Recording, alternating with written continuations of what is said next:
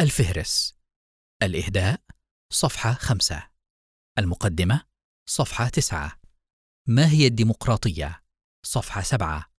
تناقضات الديمقراطية صفحة 12 الند الفكري للديمقراطية صفحة 16 قصة موسى مع قومه صفحة 23 المصلح المنتظر لماذا؟ صفحة 24 الدين صفحة 24 الدنيا صفحة 25 الفهرس صفحة 31 والحمد لله رب العالمين.